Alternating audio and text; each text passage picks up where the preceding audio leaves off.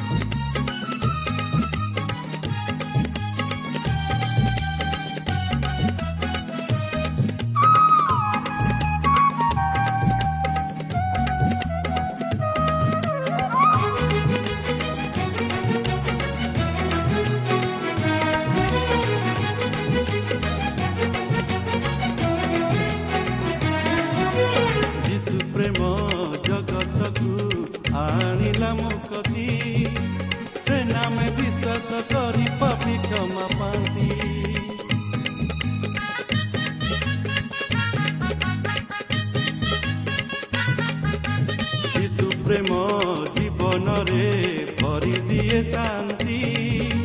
ସେ ନାମରେ ଦୂର ହୁଏ ସବୁ ଭୟ ଭ୍ରାନ୍ତି ଅନୁପମ ସେଇ ପ୍ରେମ ପ୍ରିୟତମ ସେଇ ନାମ। ଅନୁପମ ସେଇ ପ୍ରେମ ପ୍ରିୟତମ ସେଇ ନାମ। ସତତି ଯେ କାମର ସେଇ ନାମରେ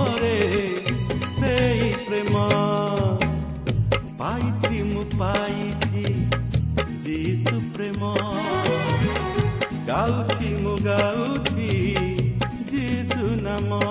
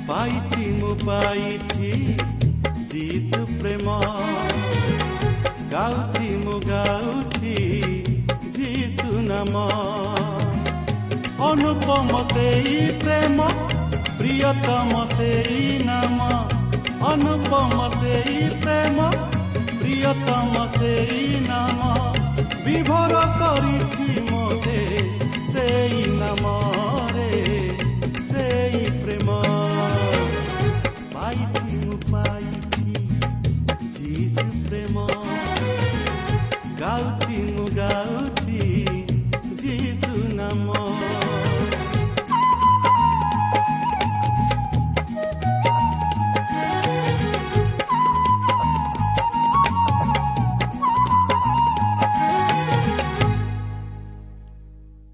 ପ୍ରିୟ ଶ୍ରୋତା ବନ୍ଧୁ ଆମର ପଥ ପ୍ରଦର୍ଶିକା ବେତାର ଅନୁଷ୍ଠାନ ପକ୍ଷରୁ ଆପଣଙ୍କୁ ହାର୍ଦ୍ଦିକ ଅଭିନନ୍ଦନ ଓ ପ୍ରୀତି ଶୁଭେଚ୍ଛା ଜ୍ଞାପନ କରୁଅଛୁ। ପ୍ରଭୁ ଆପଣଙ୍କୁ ଆଶୀର୍ବାଦ କରନ୍ତୁ ଓ ଆପଣଙ୍କର ମନସ୍କାମନା ପୂର୍ଣ୍ଣ କରନ୍ତୁ। ଆପଣ ଆପଣଙ୍କର ବହୁମୂଲ୍ୟ ସମୟ ଦେଇ ଆଜିର ଏହି କାର୍ଯ୍ୟକ୍ରମରେ ଅଂଶଗ୍ରହଣ କରିଥିବାରୁ ଆମେ ମଧ୍ୟ ବିଶେଷ ଖୁସି। ଆପଣଙ୍କ ନିକଟରେ ଧନ୍ୟବାଦ କେବଳ ସେତିକି ନୁହେଁ ଆପଣଙ୍କର ପ୍ରାର୍ଥନାର ଅନୁରୋଧ ରକ୍ଷା କରି ଆମେ ମଧ୍ୟ ଆପଣଙ୍କ ନିମନ୍ତେ ପ୍ରାର୍ଥନା କରୁଅଛୁ। ଆଉ ପ୍ରଭୁ ଯୀଶୁ ନିଶ୍ଚିତ ଭାବରେ ଆପଣଙ୍କର ପାରିବାରିକ ସମସ୍ୟା ସମାଧାନ କରିବେ। କିନ୍ତୁ ସେ ଚାହାନ୍ତି ଆପଣଙ୍କର ବିଶ୍ୱାସ। ଆପଣ ତାଙ୍କଠାରେ ବିଶ୍ୱାସ କରନ୍ତୁ ଏବଂ ତାଙ୍କର ବାକ୍ୟ ଅନୁଯାୟୀ ଜୀବନଯାପନ କରନ୍ତୁ। ତାହେଲେ ସେ ଆପଣଙ୍କ ଜୀବନରେ ତାଙ୍କର ମହତ୍ ଅଭିମତ ସଫଳ କରିବେ। ଆସନ୍ତୁ ପ୍ରଭୁଙ୍କର ବାକ୍ୟ ମଧ୍ୟକୁ ଯିବା ପୂର୍ବରୁ ସଂକ୍ଷେପରେ ପ୍ରାର୍ଥନା କରିବା।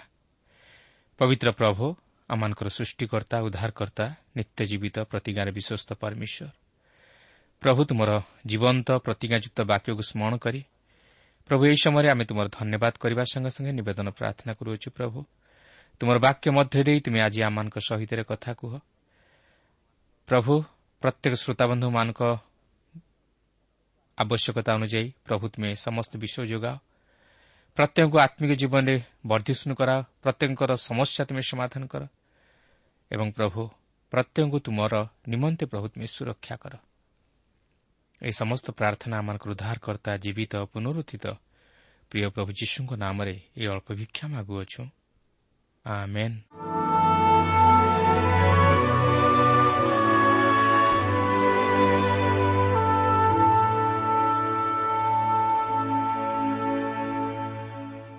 ଆସନ୍ତୁ ବର୍ତ୍ତମାନ ଆମେ ପ୍ରଭୁଙ୍କର ବାକ୍ୟ ମଧ୍ୟକୁ ଯିବା। ଆପଣ ମନୋଯୋଗର ସହିତ ଏହି କାର୍ଯ୍ୟକ୍ରମ ଶୁଣନ୍ତୁ ତାହେଲେ ଆପଣ ପବିତ୍ର ବାଇବଲ ମଧ୍ୟରୁ ଅନେକ କିଛି ନିଗୁଢ଼ ବିଷୟମାନେ ଶିକ୍ଷା କରିବାକୁ ପାରିବେ। ତେବେ ଆଜି ଆମେ ପ୍ରେରିତ ଅଠେଇଶ ପର୍ବର ପ୍ରଥମ ପଦରୁ ଆରମ୍ଭ କରି ଦଶ ପଦ ପର୍ଯ୍ୟନ୍ତ ଅଧ୍ୟୟନ କରିବାକୁ ଯିବା। ଆପଣଙ୍କ ପାଖରେ ଯଦି ପବିତ୍ର ବାଇବଲ କିମ୍ବା ନୂତନ ନିୟମ ଅଛି ତାହେଲେ ମୋ ସହିତ ଖୋଲନ୍ତୁ ଓ ଅଧ୍ୟୟନ କରନ୍ତୁ। ଆପଣଙ୍କର ମନେଥିବ ଯେ ଗତ ଆଲୋଚନାରେ ଆମେ ଦେଖିଥିଲୁ ପ୍ରେରିତ ପାଉଲ ଓ ସେହି ଦୁଇଶହ ଛଅସ୍ତରୀ ଜଣ ଲୋକ ସାମୁଦ୍ରିକ ଝଡ଼କୁ ଅତିକ୍ରମ କରି ବହୁ କଷ୍ଟରେ ଆସି ସେ ମେଲିଦି ଦ୍ୱୀପରେ ପହଞ୍ଚିଲେ।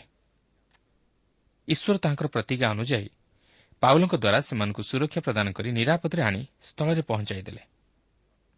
କିନ୍ତୁ ଆଜି ଆମେ ଏହି ଅଠେଇଶ ପର୍ବରେ ଦେଖିବାକୁ ଯିବା ଯେ ପାଉଲ ସେହି ମେଲିତିରୁ ରୋମ୍କୁ ଯାଉଅଛନ୍ତି। ଯେତେବେଳେ ପାଉଲ ରୋମ୍ରେ ଯାଇ ପହଞ୍ଚନ୍ତି ସେ ପ୍ରଥମେ ଜିହୁଦୀ ଓ ତାପରେ ଅଣଜୁହୁଦୀମାନଙ୍କ ନିକଟରେ ସାକ୍ଷୀ ହୁଅନ୍ତି। କିନ୍ତୁ ଏହି ପର୍ବଟି ଯାହାକି ପ୍ରେରିତ ପୁସ୍ତକର ଶେଷ ପର୍ବ ଏହା ଅସମ୍ପୂର୍ଣ୍ଣ ଭାବେ ରହିଅଛି। କିନ୍ତୁ ଏହା ସମ୍ପୂର୍ଣ୍ଣ ହେଲାପରି ମନେ ହୁଏ ନାହିଁ। ଏହି ପର୍ବଟି ପାଉଲଙ୍କର ରୋମ୍ରେ ପ୍ରଚାର କରିବା ଘଟଣା ମଧ୍ୟରେ ସମାପ୍ତ ହୋଇଅଛି। ମାତ୍ର ଏକ ଅସମ୍ପୂର୍ଣ୍ଣ ଅବସ୍ଥାରେ ରହିଅଛି। ଯେହେତୁ ପବିତ୍ର ଆତ୍ମା ବର୍ତ୍ତମାନ ମଧ୍ୟ ତାହାଙ୍କର କାର୍ଯ୍ୟ କରିଚାଲିଛନ୍ତି ଓ ବାକ୍ୟ ପ୍ରଚାର ମଧ୍ୟ ଚାଲିଛି। ଆଉ ଯେପର୍ଯ୍ୟନ୍ତ ଖ୍ରୀଷ୍ଟଙ୍କର ଦ୍ୱିତୀୟ ଆଗମନ ହୋଇନାହିଁ ସେ ପର୍ଯ୍ୟନ୍ତ ମଧ୍ୟ ଏହିପରି ପ୍ରଚାର କାର୍ଯ୍ୟ ଚାଲୁ ରହିଥିବ। ସେହି ପାଉଲଙ୍କ ସମୟଠାରୁ ଆଜି ପର୍ଯ୍ୟନ୍ତ ମଧ୍ୟ ସୁଷମାଚାର ପ୍ରଚାରିତ ହେବାରେ ଲାଗିଅଛି ଓ ପବିତ୍ର ଆତ୍ମା ତାହାଙ୍କର କାର୍ଯ୍ୟ କରିଚାଲିଛନ୍ତି ତେଣୁକରି ଏହି ପ୍ରେରିତ ପୁସ୍ତକର ପରିସମାପ୍ତି ଏକ ଅସମ୍ପୂର୍ଣ୍ଣ ଅବସ୍ଥାରେ ରହିଅଛି। ଯେହେତୁ ପବିତ୍ର ଆତ୍ମା ଆଜି ମଧ୍ୟ ତାହାଙ୍କର କାର୍ଯ୍ୟ ସାଧନ କରୁଅଛନ୍ତି ଓ ସୁଷମାଚାର ଆଜି ବି ମଧ୍ୟ ଜଗତର କୋଣେ କୋଣେ ପ୍ରଚାରିତ ହେବାରେ ଲାଗିଅଛି।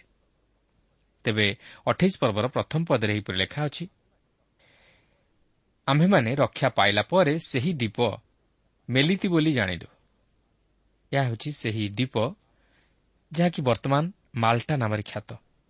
ଯେଉଁ ସ୍ଥାନରେ ଏହି ଘଟଣା ଘଟିଥିଲା ସେହି ସ୍ଥାନକୁ ବର୍ତ୍ତମାନ ସାଧୁ ପାଉଲଙ୍କର ତଟ ବୋଲି କହନ୍ତି ବା ସାଧୁ ପାଉଲଙ୍କ ତଟ ବୋଲି ଖ୍ୟାତ। ଦ୍ୱିତୀୟ ବିଶ୍ୱଯୁଦ୍ଧ ସମୟରେ ଏହା ଏକ ପ୍ରସିଦ୍ଧ ସ୍ଥାନ ଥିଲା ଓ ଏହା ଏପରି ଏକ ସ୍ଥାନ ଥିଲା ଯେଉଁଠାରେ କି ଯୁଦ୍ଧର ସୂତ୍ରପାତ ହୋଇଥିଲା ଓ ଏହାର ସ୍ଥିତି ନେଇ ଯୁଦ୍ଧର ଏହା ଥିଲା ବୋମାର ସ୍ଥାନ। ଏହି ସମୟରେ ଜେନେରାଲ ଦର୍ବୀ ଏହି ଦ୍ୱୀପର ଜେନେରାଲ ଓ ରାଜ୍ୟପାଳ ମଧ୍ୟ ଥିଲେ। ସେ ଜଣେ ଖ୍ରୀଷ୍ଟ ବିଶ୍ୱାସୀ ମଧ୍ୟ ଥିଲେ। ଆଉ ସେ କେବେ ହେଲେ ଆତ୍ମସମର୍ପଣ କରିନଥିଲେ। ତେଣୁ ଏହିପରି ଏକ ଦ୍ୱୀପରେ ପ୍ରେରିତ ପାଉଲଙ୍କର ଅବତରଣ କରିବା ବିଷୟ ନେଇ ଅଧ୍ୟୟନ କରିବା ଏକ କୌତୁହଳଜନକ। ପ୍ରକୃତରେ ଜାହାଜ ଭଙ୍ଗର ଘଟଣା ଓ ପ୍ରେରିତ ପାଉଲଙ୍କର ମେଲିତି ଦ୍ୱୀପରେ ଅବତରଣ କରିବା ଘଟଣା ମଧ୍ୟରେ ଆମେ ପ୍ରେରିତ ପାଉଲଙ୍କ ଜୀବନରେ ଈଶ୍ୱରଙ୍କର ଏକ ଆଶ୍ଚର୍ଯ୍ୟ ଶକ୍ତିର କାର୍ଯ୍ୟ ଓ ତାହାଙ୍କର ଉପସ୍ଥିତି ତଥା ସହାୟତା ଲକ୍ଷ୍ୟ କରିବାକୁ ପାରୁ। ଆଉ ଏହି ସମସ୍ତ ବିଷୟ ଆମ୍ଭମାନଙ୍କ ନିମନ୍ତେ ଏକ ଶିକ୍ଷାଜନକ। ଅଠେଇଶ ପର୍ବର ଦୁଇ ପଦରେ ଲେଖା ଅଛି ଆଉ ବର୍ବରମାନେ ଆମମାନଙ୍କ ପ୍ରତି ଅସାଧାରଣ ଦୟା ଦେଖାଇଲେ କାରଣ ବୃଷ୍ଟି ଓ ଶୀତ ହେଉଥିବାରୁ ସେମାନେ ଅଗ୍ନି ଜାଳି ଆମ ସମସ୍ତଙ୍କୁ ଅଭ୍ୟର୍ଥନା କଲେ। ତେବେ ଲୋକ ଏଠାରେ ଏହି ମେଲିତି ଦ୍ୱୀପର ଅଧିବାସୀମାନଙ୍କୁ ବର୍ବର ଶ୍ରେଣୀର ଲୋକମାନଙ୍କ ସହିତ ତୁଳନା କରି ସେମାନଙ୍କୁ ବର୍ବର ବୋଲି କହିବା ଦ୍ୱାରା ଆପଣ ବୋଧହୁଏ ହସୁଥିବେ ନୁହେଁ କି? କିନ୍ତୁ ଆମେ ଯେପରି ଭାବୁଛୁ ଏମାନେ ସେପରି ବର୍ବର ଶ୍ରେଣୀର ନୁହନ୍ତି। ଏମାନେ ଆଦିମ ଶ୍ରେଣୀର ନୁହନ୍ତି। ମାତ୍ର ଲୋକ ଏମାନଙ୍କୁ ବର୍ବର ବୋଲି କହିବାର ଉଦ୍ଦେଶ୍ୟ ହେଉଛି ଯେ ଏମାନେ ଗ୍ରୀକ୍ ଭାଷା ଜାଣିନଥିଲେ କିନ୍ତୁ ଏହାର ଅର୍ଥ ନୁହେଁ ସେମାନେ ବଣୁଆ ଆଦିମ ମନୁଷ୍ୟ। ଏଠାରେ ଆମେ ଆଉ ଏକ ଘଟଣା ଦେଖୁଛୁ ଯେ ଏହି ବିଜାତୀୟମାନେ ମଧ୍ୟ ସେମାନଙ୍କ ପ୍ରତି ଦୟାଭାବ ଓ ଶିଷ୍ଟାଚାର ଦେଖାଇଥିଲେ। ଆପଣ ଜାଣିଥିବେ ଯେ ଏହି ଦୁଇଶହ ଛଅସ୍ତରୀ ଜଣ ଲୋକଙ୍କ ମଧ୍ୟରୁ ଅନେକ ଅପରାଧୀ ମନୁଷ୍ୟ ଥିଲେ ଯେଉଁମାନେ କି ଶାସ୍ତି ଭୋଗ କରିବା ନିମନ୍ତେ ରୋମ୍କୁ ପଠାଯାଇଥିଲେ। କିନ୍ତୁ ତଥାପି ଆମେ ଦେଖୁଛୁ ଯେ ଏହି ବର୍ବରମାନେ ସେମାନଙ୍କ ପ୍ରତି ଦୟା ଓ ଉତ୍ତମ ବ୍ୟବହାର ପ୍ରଦର୍ଶନ କରୁଅଛନ୍ତି ଓ ସେମାନଙ୍କୁ ସାହାଯ୍ୟ କରୁଅଛନ୍ତି। ପୁରାତନ ନିୟମରେ ଜୁନସ ଭବିଷ୍ୟତ ବକ୍ତାଙ୍କ ପୁସ୍ତକରେ ଆମେ ଏହିପରି ଏକ ଘଟଣା ଦେଖୁ ଯେ ସେହି ଜାହାଜର ନାବିକମାନେ ଜୁନସଙ୍କ ପ୍ରତି ଦୟା ପ୍ରଦର୍ଶନ କରି ତାହାଙ୍କୁ ରକ୍ଷା କରିବା ନିମନ୍ତେ ଚାହିଁଥିଲେ। ଆଉ ଜୁନସ ଯଦିଓ ସେମାନଙ୍କୁ କହିଲେ ଯେ ତାହାଙ୍କୁ ସମୁଦ୍ର ମଧ୍ୟକୁ ପକାଇ ଦେବା ପାଇଁ ମାତ୍ର ସେମାନେ ଜୁନସଙ୍କ ପ୍ରତି ଦୟା ବହି ତାହାଙ୍କୁ ସମୁଦ୍ର ମଧ୍ୟକୁ ପକାଇ ଦେବା ନିମନ୍ତେ ଚାହିଁ ନଥିଲେ ସେମାନେ ତାହାଙ୍କ ପ୍ରତି ଦୟା ଦେଖାଇଥିଲେ। ସେମାନେ ଜାହାଜକୁ କୂଳକୁ ଆଣିବା ନିମନ୍ତେ ଚେଷ୍ଟା କଲେ ମାତ୍ର ପାରିଲେ ନାହିଁ। ବେଳେବେଳେ ସାଧାରଣ ଲୋକମାନେ ଯେଉଁପରି ଭାବେ ଦୟା ଦେଖାଇଥାନ୍ତି ଓ ସାହାଯ୍ୟ କରିଥାନ୍ତି ସେହି ପରିମାଣରେ ଧାର୍ମିକ ଲୋକମାନେ ମଧ୍ୟ ତାହା କରିପାରନ୍ତି ନାହିଁ। ଏପରିକି ଆମେ ଅନ୍ୟ ଜାତିର ଲୋକଙ୍କଠାରୁ ଯେଉଁପରି ସାହାଯ୍ୟ ଓ ସହାନୁଭୂତି ପାଇଥାଉ ସେହି ପରିମାଣରେ ଆମେ ନିଜର ଲୋକମାନଙ୍କଠାରୁ ବା ଆତ୍ମୀୟ ସ୍ୱଜନଙ୍କଠାରୁ ତାହା ପାଇପାରି ନଥାଉ ତେବେ ଏହି ସମସ୍ତ ଘଟଣା ମଧ୍ୟ ଦେଇ ଆମେ ଈଶ୍ୱରଙ୍କର ଏକ ମହତ୍ ଉଦ୍ଦେଶ୍ୟ ସଫଳ ହେବାର ଲକ୍ଷ୍ୟ କରିବାକୁ ପାରୁଅଛୁ। ଅଠେଇଶ ପର୍ବର ତିନି ପଦରେ ଲେଖା ଅଛି କିନ୍ତୁ ପାଉଲ ବିଡ଼ାଏ କାଠ ଗୋଟାଏ ନିଆଁ ଉପରେ ପକାନ୍ତେ ତାତି ହେତୁ ଗୋଟାଏ କାଳସାପ ବାହାରି ତାଙ୍କ ହାତରେ କାମୁଡ଼ି ଲାଗି ରହିଲା। ଆପଣ ଜାଣିଥିବେ ଯେ ମାର୍କ ଲିଖିତ ସୁଷମାଚାରର ଶେଷରେ ଏକ ପ୍ରତିଜ୍ଞା ପ୍ରଦାନ କରାଯାଇଅଛି ଯାହାକି ଆମେ ମାର୍କ ଲିଖିତ ସୁଷମାଚାରର ଷୋହଳ ପର୍ବର ସତର ଅଠର ପଦରେ ଲକ୍ଷ୍ୟ କରିବାକୁ ପାରୁ।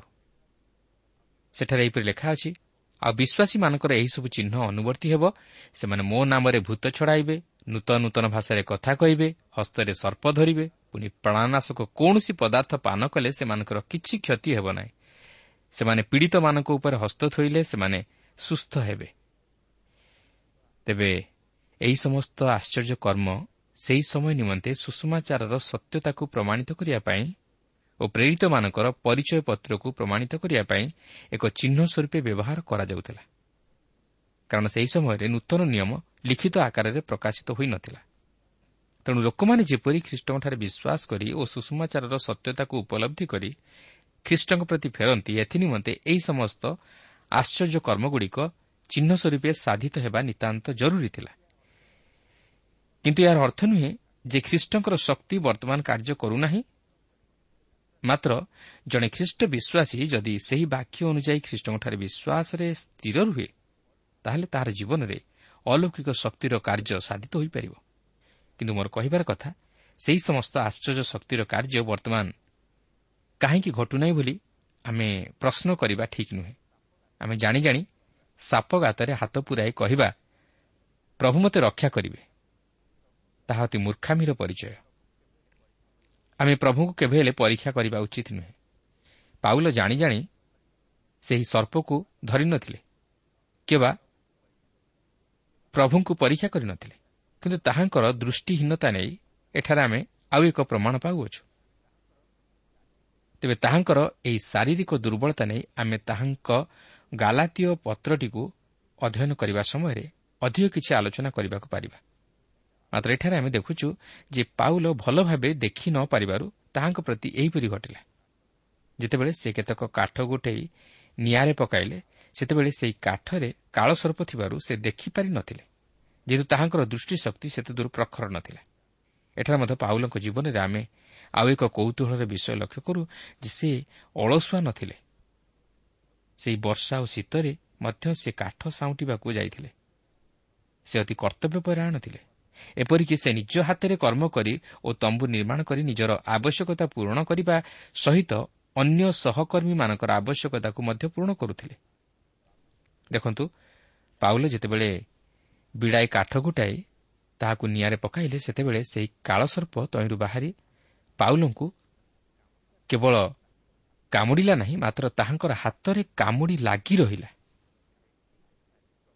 ତେବେ ଏହି ଘଟଣାରେ ପ୍ରଭୁଙ୍କର ସେହି ମହାନ ପ୍ରତିଜ୍ଞା ସଫଳ ହେବାର ଆମେ ଦେଖୁଅଛୁ ଯେ ସେମାନେ ହସ୍ତରେ ସର୍ପ ଧରିବେ। ଏହା ମଧ୍ୟ ଈଶ୍ୱରଙ୍କର ଗୌରବ ନିମନ୍ତେ ଘଟିଥିଲା। ଅଠେଇଶ ପର୍ବର ଚାରିପଦରେ ଲେଖା ଅଛି ବର୍ବରମାନେ ତାଙ୍କ ହାତରେ ସେହି ଜନ୍ତୁଟା ଝୁଲୁଥିବାର ଦେଖି ପରସ୍ପର କହିବାକୁ ଲାଗିଲେ ଏ ଲୋକଟା ନିଶ୍ଚୟ ଖୁଣି। ସମୁଦ୍ରରୁ ରକ୍ଷା ପାଇଲେ ସୁଦ୍ଧା ଧର୍ମ ଏହାକୁ ବଞ୍ଚିବାକୁ ଦେଲେ ନାହିଁ। ଅନ୍ୟ ଅର୍ଥରେ କହିବାକୁ ଗଲେ ସେମାନେ ଭାବିଥିଲେ ଯେ ବୋଧହୁଏ ପାଉଲ ଏକ ମସ୍ତବଡ଼ ଅପରାଧରେ ଅଭିଯୁକ୍ତ। ତେଣୁକରି ସାମୁଦ୍ରିକ ଝଡ଼ରୁ ରକ୍ଷା ପାଇଲେ ସୁଦ୍ଧା ଧର୍ମ ବା ନ୍ୟାୟ ଏହାକୁ ଧରିଅଛି ଓ ସେ ନିଶ୍ଚିତ ଭାବେ ଏହି ସର୍ପ ଦଂଶନରେ ମୃତ୍ୟୁବରଣ କରିବ। ଆପଣ ଦେଖନ୍ତୁ ସେମାନେ ସମସ୍ତେ ଅନେକ ସମୟ ଧରି ପାଉଲଙ୍କୁ ଲକ୍ଷ୍ୟ କରୁଥିବେ ଯେ ପ୍ରକୃତରେ ତାହାଙ୍କ ପ୍ରତି କ'ଣ ଘଟିବ। ସେମାନେ ଭାବୁଥିଲେ ଯେ ଯେକୌଣସି ସମୟରେ ଏହାର ହାତ ଗୋଡ଼ ଫୁଲିଯିବ ଓ ଏ ନିଶ୍ଚୟ ମରିବ। କାରଣ ସେମାନଙ୍କର ସେହିପରି ଅନୁଭୂତି ଥିଲା ଯାହାକି ସେମାନଙ୍କ ନିଜ ଲୋକମାନଙ୍କ ମଧ୍ୟରୁ ଅନେକ ସେହିପରି ସର୍ପଦଂଶନରେ ମୃତ୍ୟୁବରଣ କରିଥିଲେ। କିନ୍ତୁ ଏଠାରେ ଆପଣ ଲକ୍ଷ୍ୟ କରନ୍ତୁ ଏହି ବର୍ବରମାନେ ମଧ୍ୟ ନ୍ୟାୟ କ'ଣ ତାହା ଜାଣିଥିଲେ। ସେମାନେ ଭାବୁଥିଲେ ଯେ ପାଉଲ ଜଣେ ଖୁଣି ଜଣେ ଅପରାଧୀ। ତେଣୁକରି ସେ ଦଣ୍ଡ ପାଇବା ଯୋଗ୍ୟ। କିନ୍ତୁ ବର୍ତ୍ତମାନ ଆପଣ ଦେଖିବେ ଯେ ଲୋକେ ଅପରାଧୀମାନଙ୍କୁ ଶାସ୍ତି ଦେବା ପରିବର୍ତ୍ତେ ସେମାନଙ୍କୁ ସେହି ଦଣ୍ଡରୁ ରକ୍ଷା କରିବା ନିମନ୍ତେ ସାହାଯ୍ୟ କରନ୍ତି। କିନ୍ତୁ ଏହି ଘଟଣାରୁ ଆମେ ଜାଣିବାକୁ ପାରୁଛୁ ଯେ ସମଗ୍ର ରୋମ୍ ସାମ୍ରାଜ୍ୟ ମଧ୍ୟରେ ନ୍ୟାୟର ଏକ ପ୍ରଭାବ ଥିଲା। ଲୋକମାନଙ୍କ ମଧ୍ୟରେ ନ୍ୟାୟ ଓ ସତ୍ୟତା ବିଷୟ ନେଇ କିଛି ଜ୍ଞାନ ଥିଲା। ରୋମ୍ ନ୍ୟାୟ ବିଚାର ନିମନ୍ତେ ପ୍ରସିଦ୍ଧ ଥିଲା କିନ୍ତୁ ଦୟା ନିମନ୍ତେ ନୁହେଁ। ପାପକୁ କ୍ଷମା ଦିଆଯାଇ ନଥିଲା। ଯଦି ଆପଣ ନିୟମ ଲଙ୍ଘନ କରନ୍ତି ତାହେଲେ ଆପଣ ଶାସ୍ତି ଭୋଗ କରିବେ। ତେଣୁ ଏହି ରୋମିଓମାନଙ୍କ ରାଜତ୍ୱ ସମୟରେ ଲୋକମାନେ ଦୟା ପାଇବା ନିମନ୍ତେ ଆର୍ତ୍ତନାଦ କରୁଥିଲେ। ଏହା ହିଁ ଥିଲା ଖ୍ରୀଷ୍ଟଙ୍କର ଆଗମନ ନିମନ୍ତେ ପ୍ରସ୍ତୁତି ଯିଏକି ପାପୀକୁ ପାପରୁ ଉଦ୍ଧାର କରିବା ନିମନ୍ତେ ଜଣେ ଉଦ୍ଧାରକର୍ତ୍ତା ହୋଇ ଜଗତକୁ ଆସିଲେ। ଯେପରି ମନୁଷ୍ୟ ଜାତି ଈଶ୍ୱରଙ୍କ ଦୟା ଓ କ୍ଷମାର ପରିଚୟ ପାଇପାରନ୍ତି। କିନ୍ତୁ ଏଠାରେ ଲକ୍ଷ୍ୟ କରିବାର ବିଷୟ ହେଉଛି ପାଉଲଙ୍କ ହାତକୁ ସେହି ସାପ କାମୁଡ଼ି ଲାଗି ରହିବା ପରେ ପାଉଲ କ'ଣ କରୁଅଛନ୍ତି? ଅଠେଇଶ ପର୍ବର ପାଞ୍ଚ ପଦ ଓ ଛଅ ପଦରେ ଲେଖା ଅଛି କିନ୍ତୁ ସେ ଜନ୍ତୁଟାକୁ ଝାଡ଼ି ନିଆଁରେ ପକାଇଦେଲେ ଆଉ ତାଙ୍କର କିଛି କ୍ଷତି ହେଲା ନାହିଁ। ସେ ଯେ ଫୁଲିଯିବେ କିମ୍ବା ହଠାତ୍ ମରିପଡ଼ିଯିବେ ଏହା ସେମାନେ ଅପେକ୍ଷା କରୁଥିଲେ। ମାତ୍ର ଅନେକ ବେଳ ପର୍ଯ୍ୟନ୍ତ ଅପେକ୍ଷାରେ ରହିଲା ପରେ ତାଙ୍କ ପ୍ରତି କୌଣସି ଅନିଷ୍ଟ ନ ଘଟିବାର ଦେଖି ସେମାନେ ଆପଣା ଆପଣା ମନ ବଦଳାଇ କହିଲେ ଏ ଜଣେ ଦେବତା। ମାର୍କ ସୁଷମାଚାରର ଷୋହଳ ପର୍ବର ଅଠର ପଦରେ କରାଯାଇଥିବା ପ୍ରତିଜ୍ଞା ଏହିଠାରେ ସଫଳ ହେବାର ଆମେ ଲକ୍ଷ୍ୟ କରିବାକୁ ପାରୁଛୁ ଯାହାକି ପାଉଲଙ୍କ ଅନୁଭୂତି ମଧ୍ୟରେ ସଫଳ ହୋଇଅଛି। ତାଙ୍କର ଶରୀରର କୌଣସି କ୍ଷତି ଘଟିଲା ନାହିଁ କି ସେ ମରିଗଲେ ନାହିଁ କି ଅସୁସ୍ଥ ହେଲେ ନାହିଁ। ତେଣୁ ଯେତେବେଳେ ସେମାନେ ଦେଖିଲେ ଯେ ପାଉଲଙ୍କର କୌଣସି କ୍ଷତି ଘଟିଲା ନାହିଁ ସେତେବେଳେ ସେମାନେ ଏହି ସିଦ୍ଧାନ୍ତରେ ଉପନୀତ ହେଲେ ଯେ ସେ ଜଣେ ଅପରାଧୀ ନୁହନ୍ତି ମାତ୍ର ଜଣେ ଦେବତା। ତେବେ ଯଦିଓ ସେମାନଙ୍କର ଏହିପରି ଚିନ୍ତାଧାରା ଭୁଲ ଥିଲା ମାତ୍ର ଏହା ପାଉଲଙ୍କ ଉପରେ ଏକ ବିଶେଷ ପ୍ରଭାବ ପକାଇଥିଲା ଓ ସେହି ମେଲିତି ଦ୍ୱୀପର ଲୋକମାନଙ୍କ ନିମନ୍ତେ ଏହା ଏକ ଚମତ୍କାର ସାକ୍ଷ୍ୟ ଥିଲା। ଅଠେଇଶ ପର୍ବର ସାତ ଓ ଆଠ ପଦରେ ଏହିପରି ଲେଖା ଅଛି ସେହି ସ୍ଥାନର ନିକଟରେ। ପୁବ୍ଲିୟ ନାମକ ସେହି ଦ୍ୱୀପର ପ୍ରଧାନ ବ୍ୟକ୍ତିଙ୍କ ଗୃହ ଓ ଭୂମି ଥିଲା। ସେ ଆମମାନଙ୍କୁ ଗ୍ରହଣ କରି ତିନିଦିନ ପର୍ଯ୍ୟନ୍ତ ସାଦରେ ଆମମାନଙ୍କର ଆତିଥ୍ୟ ସତ୍କାର କଲେ। ସେହି ସମୟରେ ପୁବ୍ଲିୟଙ୍କର ପିତା ଜ୍ୱର ଓ ଆମାଶୟ ରୋଗରେ ପୀଡ଼ିତ ହୋଇ ଶଯ୍ୟାଶାୟୀ ଥିଲେ। ଆଉ ପାଉଲ ଭିତରକୁ ତାଙ୍କ ନିକଟକୁ ଯାଇ ପ୍ରାର୍ଥନା କଲେ ଓ ତାଙ୍କ ଉପରେ ହାତ ଥୋଇ ତାଙ୍କୁ ସୁସ୍ଥ କଲେ। ପାଉଲ ବର୍ତ୍ତମାନ ତାଙ୍କ ପ୍ରେରିତିକ ଚିହ୍ନକୁ ଓ ଦାନକୁ ବ୍ୟବହାର କରୁଅଛନ୍ତି। ସେ ସେଠାରେ ଆଶ୍ଚର୍ଯ୍ୟ କର୍ମ ସାଧନ କରୁଅଛନ୍ତି। ପ୍ରକୃତରେ ସେ ସେହି ଲୋକ ନିମନ୍ତେ ପ୍ରାର୍ଥନା କରୁନାହାନ୍ତି। ମାତ୍ର ତାହାଙ୍କ ନିଜ ନିମନ୍ତେ ପ୍ରାର୍ଥନା କରୁଅଛନ୍ତି। ତାହା ହେଉଛି ଯେ ସେ ଈଶ୍ୱରଙ୍କ ଇଚ୍ଛା ଜାଣିବା ନିମନ୍ତେ ପ୍ରାର୍ଥନା କରୁଅଛନ୍ତି। ଏହି ଲୋକ କ'ଣ ପାଉଲଙ୍କ ପ୍ରାର୍ଥନା ଦ୍ୱାରା ସୁସ୍ଥ ହେବାକୁ ଅଛି କି? ତାହିଁ ଥିଲା ପ୍ରେରିତ ପାଉଲଙ୍କର ପ୍ରାର୍ଥନା। ଅଠେଇଶ ପର୍ବର ନଅ ଓ ଦଶ ପଦରେ ଲେଖା ଅଛି। ଏହି ଘଟଣା ପରେ ସେହି ଦ୍ୱୀପରେ ଥିବା ଅବଶିଷ୍ଟ ପୀଡ଼ିତମାନେ ମଧ୍ୟ ଆସି ସୁସ୍ଥ ହେଲେ। ସେମାନେ ମଧ୍ୟ ଆମମାନଙ୍କୁ ବହୁତ ସମ୍ମାନ ଦ୍ୱାରା ସମାଦର କଲେ। ପୁଣି ଆମମାନଙ୍କର ପ୍ରସ୍ଥାନ କରିବା ସମୟରେ ଆମ୍ଭମାନଙ୍କ ପ୍ରୟୋଜନୀୟ ପଦାର୍ଥ ସବୁ ଯୋଗାଇ ଦେଲେ। ତେବେ ଏଠାରେ ପ୍ରଶ୍ନ ଉଠେ ପାଉଲ ସେହି ମେଲିତିରେ ସୁଷମାଚାର ପ୍ରଚାର କରିଥିଲେ କି ନାହିଁ? କାରଣ ଅନେକ ବିଶ୍ୱାସ କରନ୍ତି ଯେ ପାଉଲ ଏଠାରେ ପ୍ରଚାର କରିନଥିଲେ ବୋଲି। କିନ୍ତୁ ଏଠାରେ ପବିତ୍ର ଆତ୍ମା ଚାହାନ୍ତି ଆମେ ଯେପରି ନିଜର ସାଧାରଣ ଜ୍ଞାନ ପ୍ରୟୋଗ କରୁ। ବାସ୍ତବରେ ପାଉଲ ଏଠାରେ ସୁଷମାଚାର ପ୍ରଚାର କରିଥିଲେ। କାରଣ ସେହି ସୁସ୍ଥତା ପାଇବା ହେଉଛି ତହିଁର ଫଳାଫଳ। ପ୍ରେରିତମାନଙ୍କର ସୁସ୍ଥ କରିବା ଶକ୍ତି ଦ୍ୱାରା ଈଶ୍ୱର ସାକ୍ଷ୍ୟ ଦେବାକୁ ଚାହାନ୍ତି ଯେ ସେମାନେ ଯେଉଁ ସୁଷମାଚାର ପ୍ରଚାର କରନ୍ତି ତାହା ତାହାଙ୍କଠାରୁ। ତେଣୁ ଆମେ ଜାଣି ରଖିବା ଉଚିତ ଯେ ପାଉଲ ସୁଷମାଚାର ପ୍ରଚାର କଲେ ଓ ସେହି ସୁସ୍ଥତା ତହିଁର ଫଳାଫଳ ଥିଲା ସେ ଯେ ପ୍ରଚାର କରିଥିଲେ ଏଥିରୁ ତହିଁର ପ୍ରମାଣ ମିଳେ। ଆପଣ ଜାଣିଥିବେ ପାଉଲ ଏହିପରି କହନ୍ତି ଯାହାକି ପ୍ରଥମ କରିଥିବା ଦୁଇ ପର୍ବର ଦୁଇ ପଦରେ ଲେଖା ଅଛି କାରଣ ଯୀଶୁଖ୍ରୀଷ୍ଟ ଅର୍ଥାତ୍ କୃଷରେ ହତ ଯୀଶୁଖ୍ରୀଷ୍ଟଙ୍କ ବିନା ତୁମାନଙ୍କ ମଧ୍ୟରେ ଆଉ କୌଣସି ବିଷୟ ନ ଜାଣିବାକୁ ମୁଁ ମନସ୍ଥ କଲି। ପାଉଲ ନିଜର ଶକ୍ତିକୁ ବା ନିଜକୁ ପ୍ରକାଶ କରିବାକୁ ଯାଇ ସେହି ଆଶ୍ଚର୍ଯ୍ୟକର୍ମ ସାଧନ କରିନଥିଲେ। ମାତ୍ର ଖ୍ରୀଷ୍ଟଙ୍କୁ ପ୍ରକାଶ କରିବାକୁ ଯାଇ ସେହି ଆଶ୍ଚର୍ଯ୍ୟକର୍ମ ସାଧନ କରିଥିଲେ ଯେପରି ତାହାଙ୍କର ନାମ ପ୍ରଚାରିତ ହୁଏ। ରୋଗ ସୁସ୍ଥ କରିବା ପାଉଲଙ୍କର ମୂଳ ଲକ୍ଷ୍ୟ ନଥିଲା। ମାତ୍ର ସୁଷମାଚାର ପ୍ରଚାର କରିବା ପାଉଲଙ୍କର ମୂଳ ଲକ୍ଷ୍ୟ ଥିଲା। ତେଣୁ ଆସୁ ସେହି ସୁଷମାଚାରରେ ବିଶ୍ୱାସ ସ୍ଥାପନ କରି ଖ୍ରୀଷ୍ଟଙ୍କୁ ନିଜ ହୃଦୟରେ ଗ୍ରହଣ କରୁ। ତାହେଲେ ଆମେ ଆମର ଜୀବନରେ ଖ୍ରୀଷ୍ଟଙ୍କର ସେହି ଶକ୍ତିର କାର୍ଯ୍ୟକୁ ଉପଲବ୍ଧି କରିପାରିବା। ପ୍ରିୟ ବନ୍ଧୁ ମୋର ଅନୁରୋଧ ଆପଣ ଏହି କାର୍ଯ୍ୟକ୍ରମ ଶୁଣିବା ସଙ୍ଗେ ସଙ୍ଗେ ଏହି ବାକ୍ୟ ଅନୁଯାୟୀ ନିଜର ଜୀବନକୁ ସମୀକ୍ଷା କରନ୍ତୁ। ଆଉ ନିଜକୁ ଦେଖନ୍ତୁ ଯେ ମୁଁ ଏପର୍ଯ୍ୟନ୍ତ ପ୍ରଭୁଙ୍କ ପାଇଁ କ'ଣ କରିପାରିଛି। ପ୍ରଭୁ ମୋ ପାଇଁ ଯେଉଁ ଉଦ୍ଧାର ସାଧନ କରିଅଛନ୍ତି ସେ ଉଦ୍ଧାରର କ'ଣ ମୁଁ ଅଂଶୀ ହୋଇପାରିଛି? ମୁଁ କ'ଣ ମୋର ପାପରୁ ଉଦ୍ଧାର ପାଇପାରିଛି? ପ୍ରିୟ ବନ୍ଧୁ ଆଜି କ'ଣ ଆମମାନଙ୍କର ପ୍ରତ୍ୟେକଙ୍କର ସେହି ପାପ କ୍ଷମାର ଅନୁଭୂତି ଅଛି? ନା ଆମେ ପାପରେ ଲିପ୍ତ ରହି ଆନନ୍ଦ କରୁଅଛୁ? କିନ୍ତୁ ଈଶ୍ୱର ସେ ପାପକୁ ପ୍ରଶ୍ରୟ ଦିଅନ୍ତି ନାହିଁ। ସେ ପବିତ୍ର।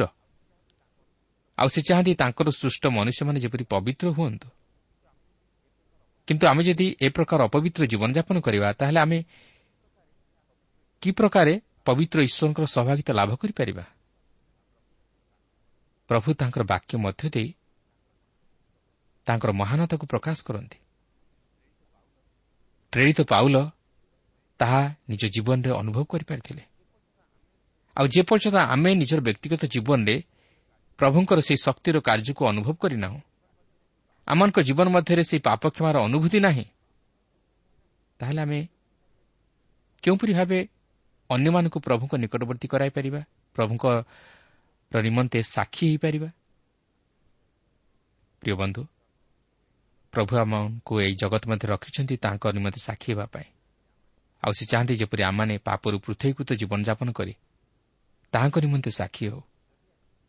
ଯଦି ଆମେ ପାପରେ ଲିପ୍ତ ରହି ପାପ ଉପରେ ପାପ କରିଚାଲୁ ମାତ୍ର ପାପ ନିମନ୍ତେ ଅନୁତାପ ନ କରୁ ଏବଂ ସୁଷମାଚାରର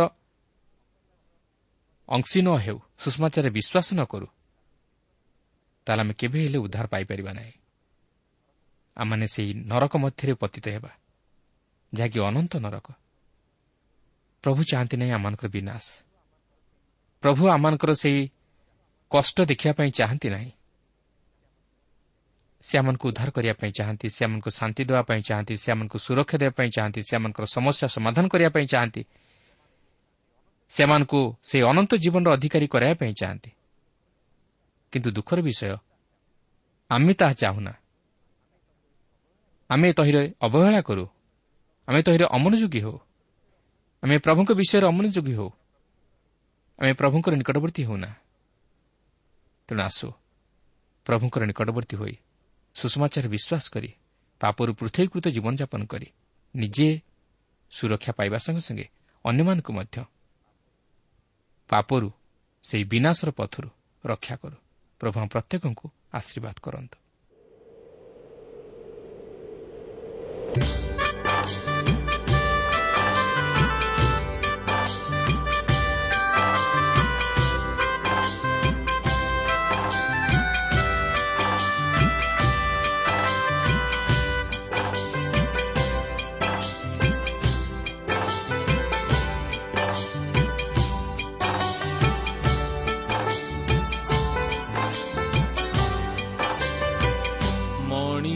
ଜୀବନ ପାଣିର ଫଟୋ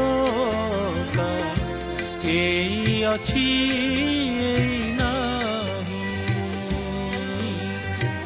ତଥାପି କାହିଁକି ସିଏ ତ ବୁଝେ କାହିଁକି ସିଏ ତ ବୁଝେ ନା।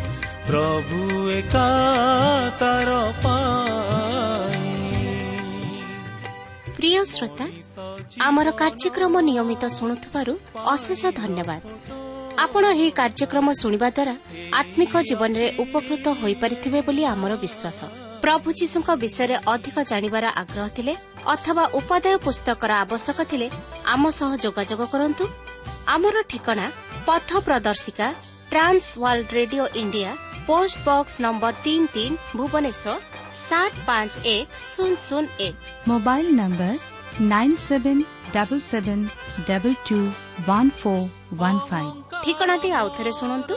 পথ প্রদর্শিকা trans world radio India post box number three three Bhubaneswar seven five one zero zero one. Mobile number nine seven double seven double two one four one five. ଆମର ଇମେଲ ଆଡ୍ରେସଟି ଲେଖି ରଖନ୍ତୁ Odia TV at radio eight eight two dot com ତେବେ ଆଜି ପାଇଁ ବିଦାୟ ଦିଅନ୍ତୁ। ନମସ୍କାର। ତେବେ ସେ କାହିଁକି ବୁଝି ତ ପାରିନା ତେବେ ସେ କାହିଁକି ବୁଝି ତ ପାରିନା ତା ଜୀବନ ପ୍ରଭୁ ପାଇଁ ମଣିଷ ଜୀବନ ପାଣିର ଫଟୋ ଏଇ ଅଛି ଏଇ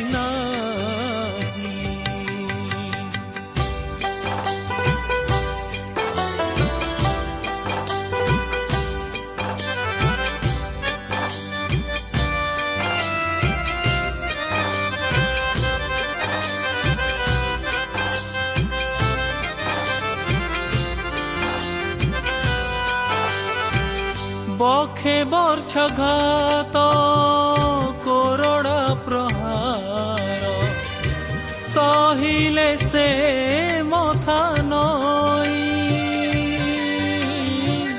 ଶରୀରଟା ତାଙ୍କ